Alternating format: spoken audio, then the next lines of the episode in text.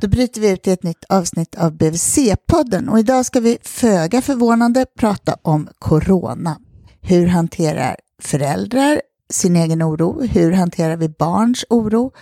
Och vad kan vi på BVC göra eh, för familjer i allmänhet och för familjer som behöver extra stöd i synnerhet i sådana här oroliga tider?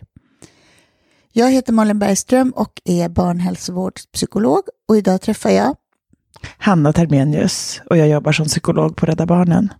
Och du har varit med hos oss förut, Hanna, eller hur? Ja. Och jag vet att det har varit mycket jobb för er på Rädda Barnen på senaste tiden kring de här frågorna. Mm. Det är många som vänder sig till oss med just den här frågan. Hur ska vi prata med barn? Hur ska föräldrar kunna lugna sina barn? Men sen jobbar vi på Rädda Barnen också mycket med att hitta liksom vilka barn blir extra utsatta och hur ska vi komma ut och påverka på olika sätt så att vi inte glömmer bort de här barnen just nu. Och de ska vi återkomma till i det här avsnittet. Men först vill jag fråga dig, alltså hur, vad är liksom påfrestningarna för småbarnsfamiljer i allmänhet just nu? Och de är många. Dels så är det ju eh, en annorlunda situation, som vi inte, en framtidsoro. Vi vet ingenting om hur det ser ut. Vi får nya besked varje dag. Det är ganska mycket liksom alarmism i luften. Att oj, det här kanske kommer hända och så här blir det. Sen är det många, många som påverkas av den ekonomiska situationen. Att vi inte riktigt vet vilka företag som kommer klara sig. Hur kommer det bli med mitt jobb och så, vilket stressar. Och plus det så påverkas ju vi redan nu av att förskolor och skolor kommer kanske hålla stängt eller man funderar på kan jag skicka mitt barn till förskolan? Olika föräldrar funderar olika kring det. Och vi har också mycket, mycket högre tröskel eller lägre tröskel för när vi ska hålla hemma barn. Vi behöver hålla hemma dem vid minsta tecken på snorighet och vi vet att de här små barnen, de brukar ju ägna februari och mars åt att vara snoriga. Så vi behöver hålla, hålla barn hemma och då blir vi liksom, och kanske försöka hålla något arbete igång hemifrån också.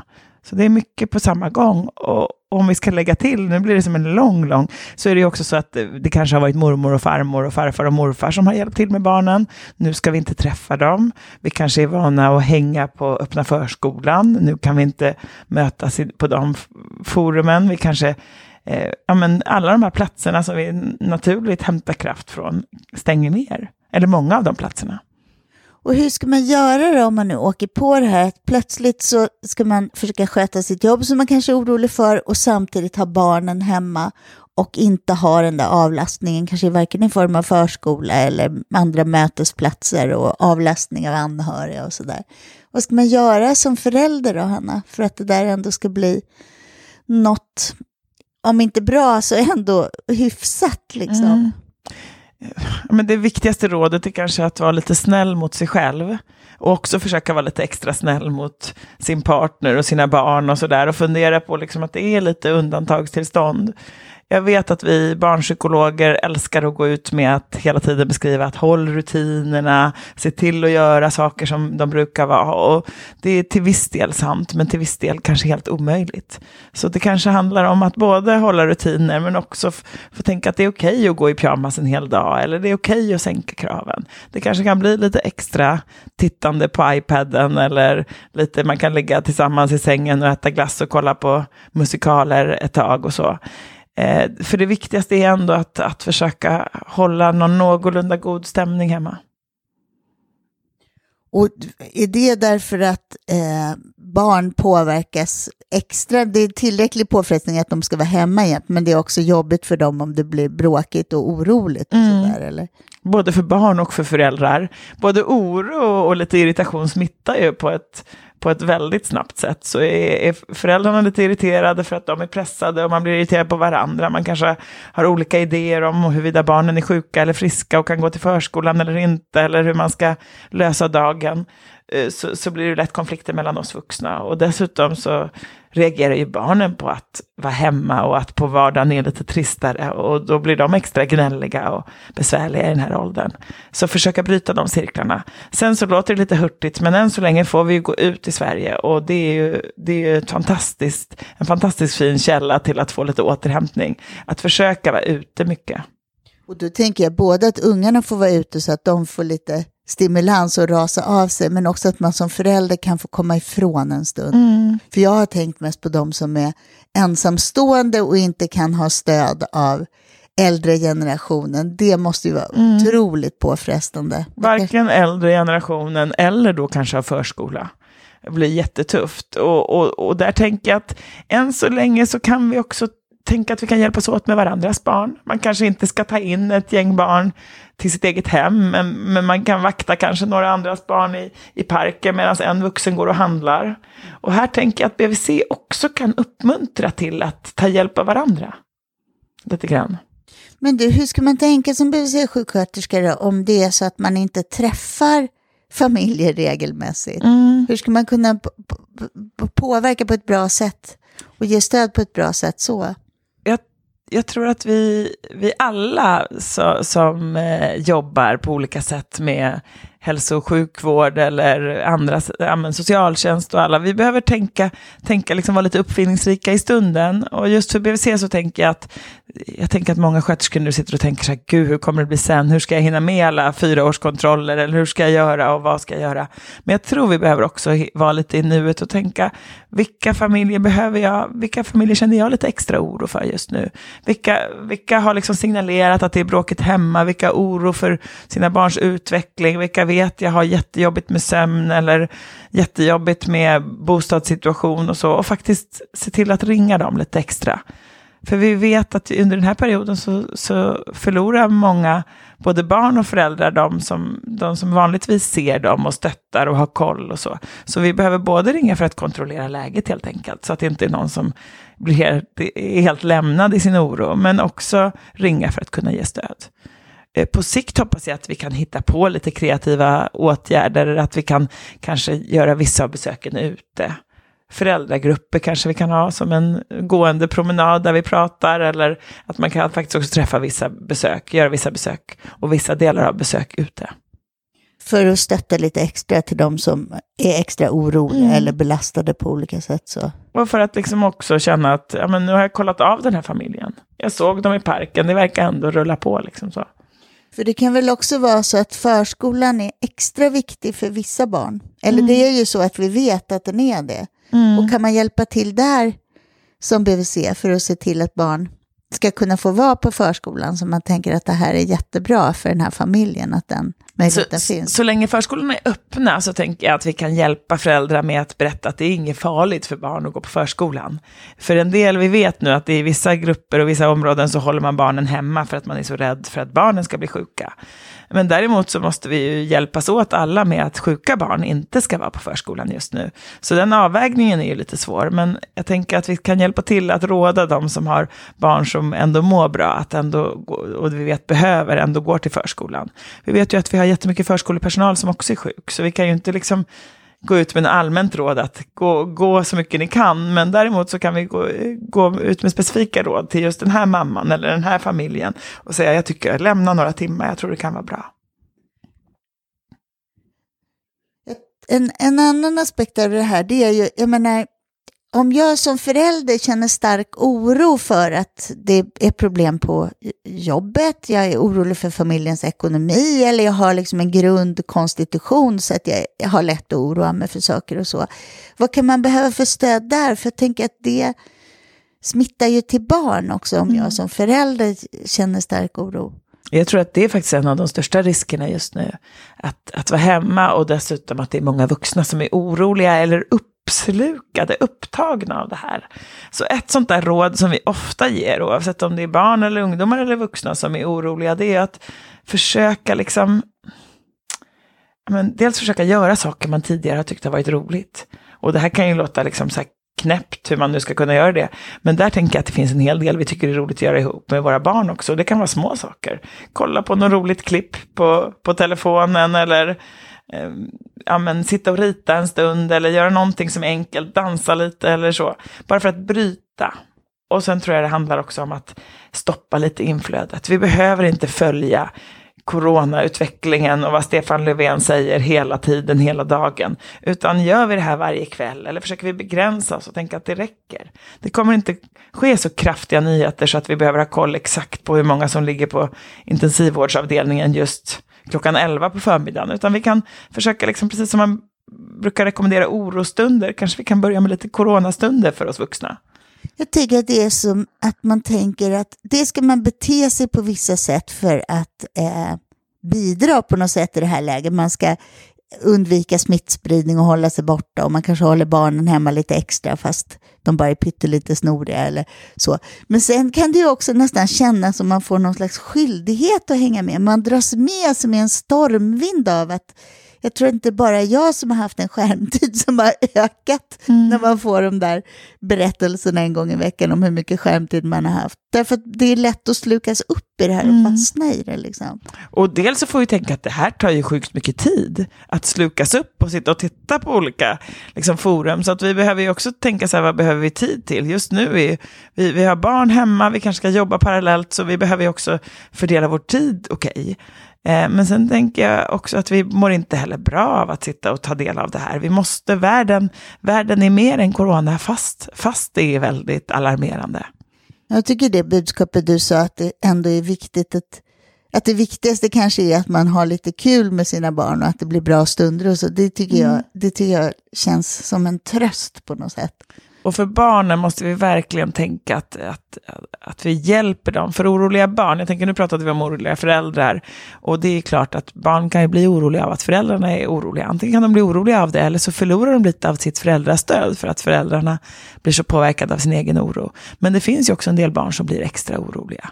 Och den där extra oron kan då späs på av brist på strukturer och att det inte är som vanligt. Och så. Mm, absolut, och det här att man ska tvätta händerna ofta, eller varför får jag inte träffa mormor, eller att man börjar tänka på döden extra mycket. Och små barn kan ju faktiskt också gå loss i fantasier. Så vi behöver ju lyssna. Vad är det du tänker på? Vad är det du funderar på? För ibland vågar de kanske inte ens dela sina fantasier. De kan ha liksom en fantasi om vad virus är, eller att deras eh, kroppar eller händer har plötsligt blivit jättesmutsiga, eller att, det liksom, eller att, att de ser liksom framför sig hur alla deras äldre nära ligger på intensivvårdsavdelningar eller vad det nu kan vara.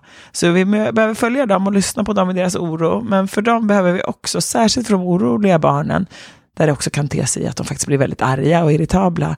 Så, och det kan ju vara barn ända från, jag tänker tre års ålder. Ja, ja, det tänker jag också. Det kan vara små barn och ju mer de är liksom eh, suger åt sig av det som händer och så, desto, desto större risk är det att de blir oroliga också när de lyssnar och så. Eh, men där behöver vi också se till att det blir liksom lite randigt. Vi ska inte sitta och prata med dem om oron hela tiden, utan en stund kan man vara i oron, men sen behöver vi också hjälpa till att avleda dem från oro. Göra annat, tänka på annat. För vi vet att ju längre stunder som kroppen får känna att det är lugnt och det är okej, okay, desto lättare blir det att hantera när man sen blir orolig. Så det här gäller vuxna och det gäller barn, att vi behöver liksom in och ut, ut ur det här. Men du, hur säger man till de här barnen, då säger man det så här, nu tänker vi på något annat en stund? Nej, Eller? men vi vet att det är ungefär som att säga tänk inte på en rosa elefant, då kommer vi tänka på en rosa elefant. Så om vi säger tänk inte på corona nu så kommer barnen eh, tänka, utan det handlar ju mer om vad vi gör. Så man ser till att det händer grejer? Ja, lite grann. Eh, för, för vi blir ju också som, som lite oroliga föräldrar till oroliga barn. Då blir vi också liksom påverkade av den oron på ett sätt så att vi vill eh, kanske liksom lugna barnet. Vi vill försäkra barnet om att inte världen är farlig. Så att vi kanske hamnar i väldigt mycket stunder och säger jo men vi kan gå ut, det är inte farligt. Att vi säger mycket av det. Och det triggar ju igång barnets oro. Så ibland säger vi barnpsykologer när det gäller barn med oro så behöver man gå lite emot sina föräldrainstinkter. Vi behöver göra lite tvärtom. Och vi behöver säga liksom istället kom igen. för kom igen eller nu går vi ut eller kolla har du sett på det här. Lite, lite avledning utan att berätta att det är avledning vi gör. Och ibland nappar barnet, ibland kanske barnet behöver säga någonting till och då behöver de få göra det och så liksom igen. Eh, men inte så här stopp, nu slutar vi prata om det här och så. Så kan man tänka i sitt vuxna huvud. Men, men barnet ska få känna att det går bra att prata om när man vill. Men och hur gör man det när man, för du sa att man ska tänka randigt, det så ska man avleda barn och se till att det händer annat så att man, man är bara här och nu mm. och ett barn och leker och är mm. uppslukad av något. Men när man väl de där andra randiga stunderna när man är med barn i oron, hur gör man då? då? Lyssnar man och ställer frågor? Och... Ja, men, både lyssna och ställa frågor med små barn. Och det här kanske man inte behöver göra så ofta om inte deras nyinflöde är liksom så stort. Går barnen på förskolan och kan få höra saker för andra kompisar eller att man har tvn på hela tiden, då kan de ju få nya tankar. Är de bara hemma och leker med annat, då kanske man inte behöver fråga själv hela tiden, utan då kanske man kan lyssna vad barnen säger om man har pratat om det någon gång. Men när man frågar så tänker jag att första gången man vill fråga som förälder, för det är många föräldrar som också har tänkt så här, om jag inte säger något kanske inte mitt barn vet om det här med corona. Men det vet alla barn nu. Så då kan man fråga, men du vet det här med corona, vad har du hört? Vad tänker du, vad tänker du på? Eh, och sen behöver man hjälpa dem med lite handfasta, liksom. varför, varför behöver vi göra de här åtgärderna vi gör nu? Och jag tycker att jag har hört lite barn prata både, både på radio och när jag har träffat yngre barn eller förskolebarn, så tycker jag att en, en hel del verkar ha en, fått en bra förklaring och den är bra att hålla fast vid, att det här är inte farligt för barn. Det är väldigt lugnande att höra att just det här viruset verkar inte vara särskilt farligt för barn. Och att barn inte ska gå till förskolan eller att vi inte ska eh, gå på vad det nu kan vara för platser man inte ska gå till. Det är inte för att det här är farligt för barn, utan det här är för att gamla människor, eller särskilt människor som tidigare har sjukdomar där de har svårt med sin andning, att de kan bli väldigt sjuka och vi vill inte att alla de blir sjuka samtidigt, för då kan inte det finnas så mycket bra platser på sjukhuset. Så att verkligen berätta för barnen att det är för att hjälpa sjukhusen att göra det här långsamt. Så både prata med barn och vara med i den där oron en stund, kanske rita lite mm. coronavirus tillsammans ja, och sen hitta på annat. Mm. Och sen är det ju det här, de här råden vi har gått ut med, de har ju barnen hört och de behöver vi föräldrar uppmuntra till, att vi ska tvätta händerna, inte peta i ansiktet, nysa i armvecken. De tänker jag, för de allra flesta barn som inte tenderar att gå in i sin oro, då för de nog gott med sig. Det är, jätte, det är jättebra att lära sig tvätta händerna. Eh, jag tänker att jag själv har fyra barn och jag tror inget av de barnen under hela sin uppväxt någonsin har tvättat tänderna i 30 sekunder. Men hur långt är 30 sekunder? Ja, men det är ju långt. jättelångt. Jag, mitt yngsta barn kom hem och berättade att hon hade tänkt att det var lika långt som att sjunga Blinka lilla stjärna. Där tänker jag att vi kan vara lite uppfinningsrika, att vi kan liksom hitta, mäta med barn varje 30 minuter, kanske hitta någon låt man kan spela och så tvätta och lära oss. Och det här tror jag kan få, vi kan ha god nytta av det här i framtiden också kanske behöver vi inte ha vabruari och, och sjukdomar lika mycket om vi faktiskt lär både barn och vuxna att tvätta händerna på ett väldigt bra sätt. Men Hanna, både du och jag har ju träffat barn som där det här med att tvätta händerna och inte ta sig i ansiktet och så, där det kan löpa amok. För är man en orolig liten själ, då är det precis sånt där som man kan snurra iväg mm. och det blir ett evigt tvättande och, och nästan rigitt kring. Då tänker jag att just nu, kommer man hem från affären eller har varit ute på förskolan och så, då tänker jag att vi ändå behöver liksom hjälpa dem att tvätta händerna, men vi behöver kanske göra det en gång. Och är man bara hemma så kan man verkligen passa på att vara smutsig då, och hjälpa de här barnen att, men här, att, att vara bara hemma, nu kladdar vi på och nu behöver vi inte tvätta så noga. Så att man liksom berättar när man behöver det. Så då ska man istället, om man har ett barn som är ängsligt, dåligt och står och tvättar sig lite väl mycket, då ska man istället hjälpa dem med motsatsen, att ja. utmana det. Ja, men just nu, ibland brukar vi ju säga att man ska utmana dem med att inte tvätta händerna alls och så. Just nu får vi nog liksom ja, men hitta någon, någon medelväg, för, för just nu behöver vi nog få dem att tvätta händerna just ett par gånger när de kommer från ställen och så. Men, men utmana det lite annars. Du Hanna, jag vet att både du och Rädda Barnen i stort är också lite oroliga för att det här ska drabba eh, vissa barn hårdare än andra. Mm. Och har jobbat mycket kring det den senaste mm. veckan. Kan du inte berätta lite om det? Vi, vi, har lite olika målgrupper som vi jobbar med och vi ser att alla de, och det, alla de målgrupperna är lite extra utsatta. Precis som de alltid är så är det ju de grupperna som drabbas. Och den första som vi har varit lite inne på, det är de barnen som lever i socioekonomisk utsatthet. De familjer som har det sämst ställt i samhället. Där vi är oroliga för att det faktiskt ska drabba att man inte har råd att betala sin hyra på grund av att man kanske vabbar och man behöver den här inkomsten. Vi är oroliga att det ska liksom drabba det här att man, att man är hemma med barn kostar mer om man, om man går på socialbidrag, att man faktiskt inte har råd att ge barnen den mat de behöver för att man inte har råd att, att, att köpa lunch på det sättet. Att vi, och där har vi försökt liksom också kräva och, och lyfta till makthavare att det behövs. Just nu är det extra viktigt att det inte, det är ju helt galet att vi vräker barn, familjer i vårt samhälle just nu. Och det, vi har bostadslösa familjer, men just nu så måste man ju stoppa det och förhoppningsvis framåt också. Man kan inte vräka barn i de här eller familjer i den här situationen. Och vi måste också kanske tänka, ska vi höja socialbidragstaken lite grann så att föräldrar har råd att vara hemma och ta hand om sina barn utan att bli stressade för ekonomin. Eh, Sen finns det flera säkert andra saker vi behöver tänka på och det gäller ju speciellt skolbarnen också. att Är man väldigt trångbodd, det är svårt att plugga hemma om man är trångbodd. Alla barn och familjer har inte tillgång till internet och till eh, datorer och sådana saker. Och det behöver vi också trycka på just, just utifrån det. Jag tänker om man är trångbodd och har småbarn och hela familjen ska vara hemma hela dagarna. Bara det låter ju som en potentiell krutdurk mm. med ungar som blir rastlösa. Och Mm, får och, mycket energi. Liksom. Och det finns många familjer som bor inneboende i andra hand, där det känns jättestressigt på väldigt liksom, stressiga kontrakt, där förutsättningarna är att man är väldigt tyst under dagen för att få vara där.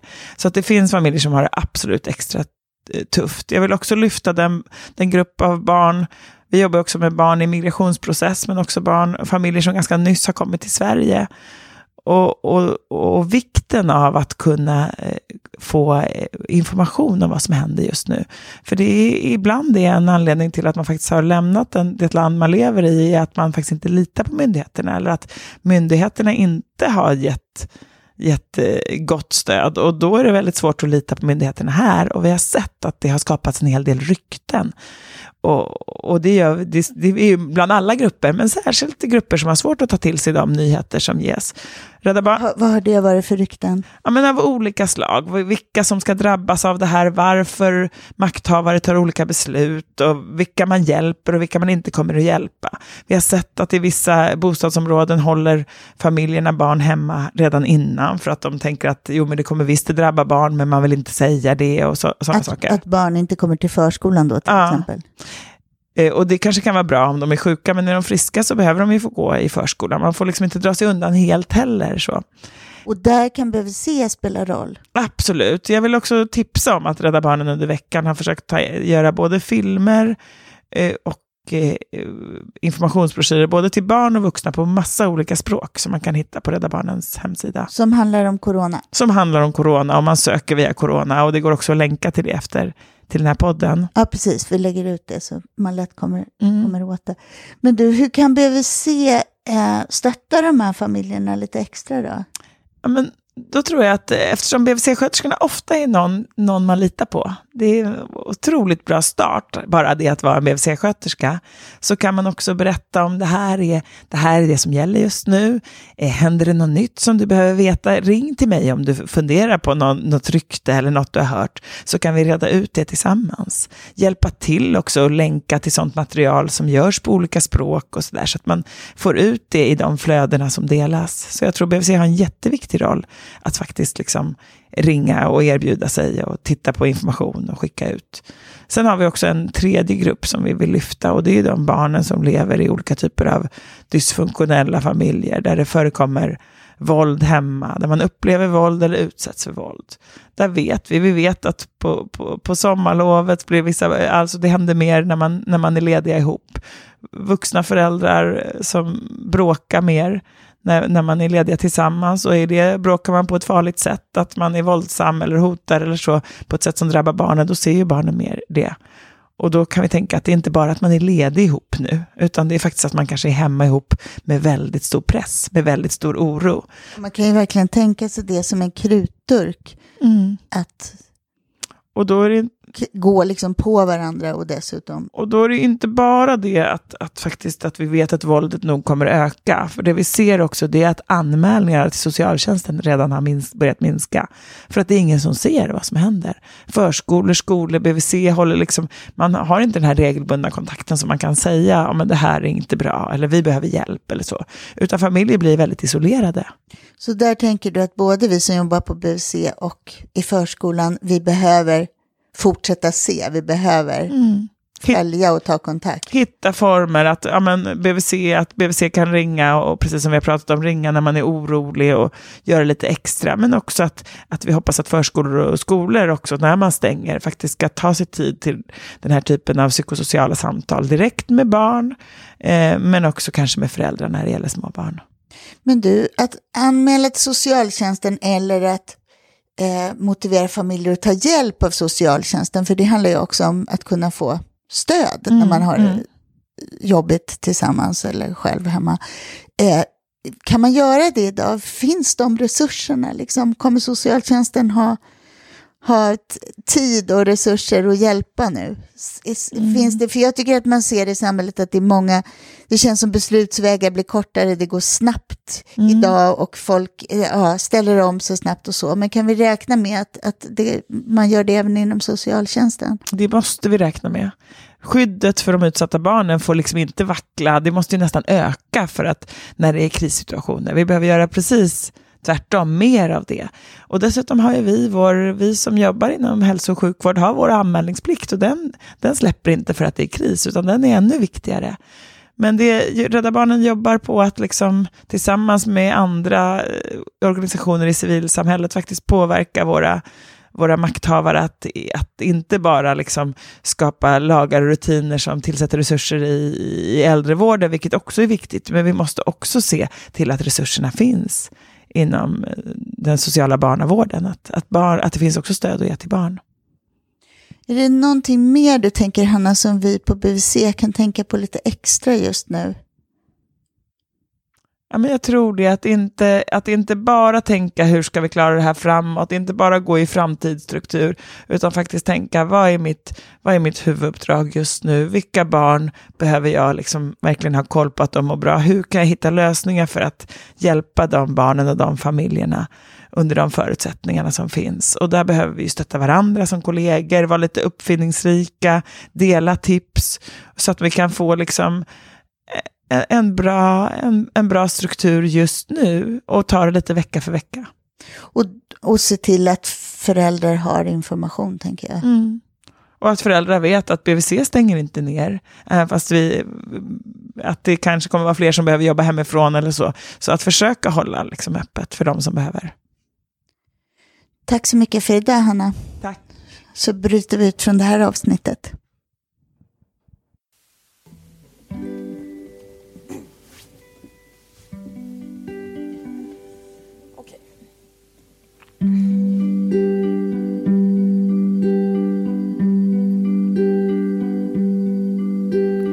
Födde barn till Björn Olsson. Solen bröt fram precis när mitt barn kommit ut. Låg i en pöl av svett och blod Barnmorskan sa jag såg din spelning på Luleå kulturhus. Hörde fåglarna sjunga om vår. Har alltid velat känna ingenting. Har för mycket tankar när de strider blir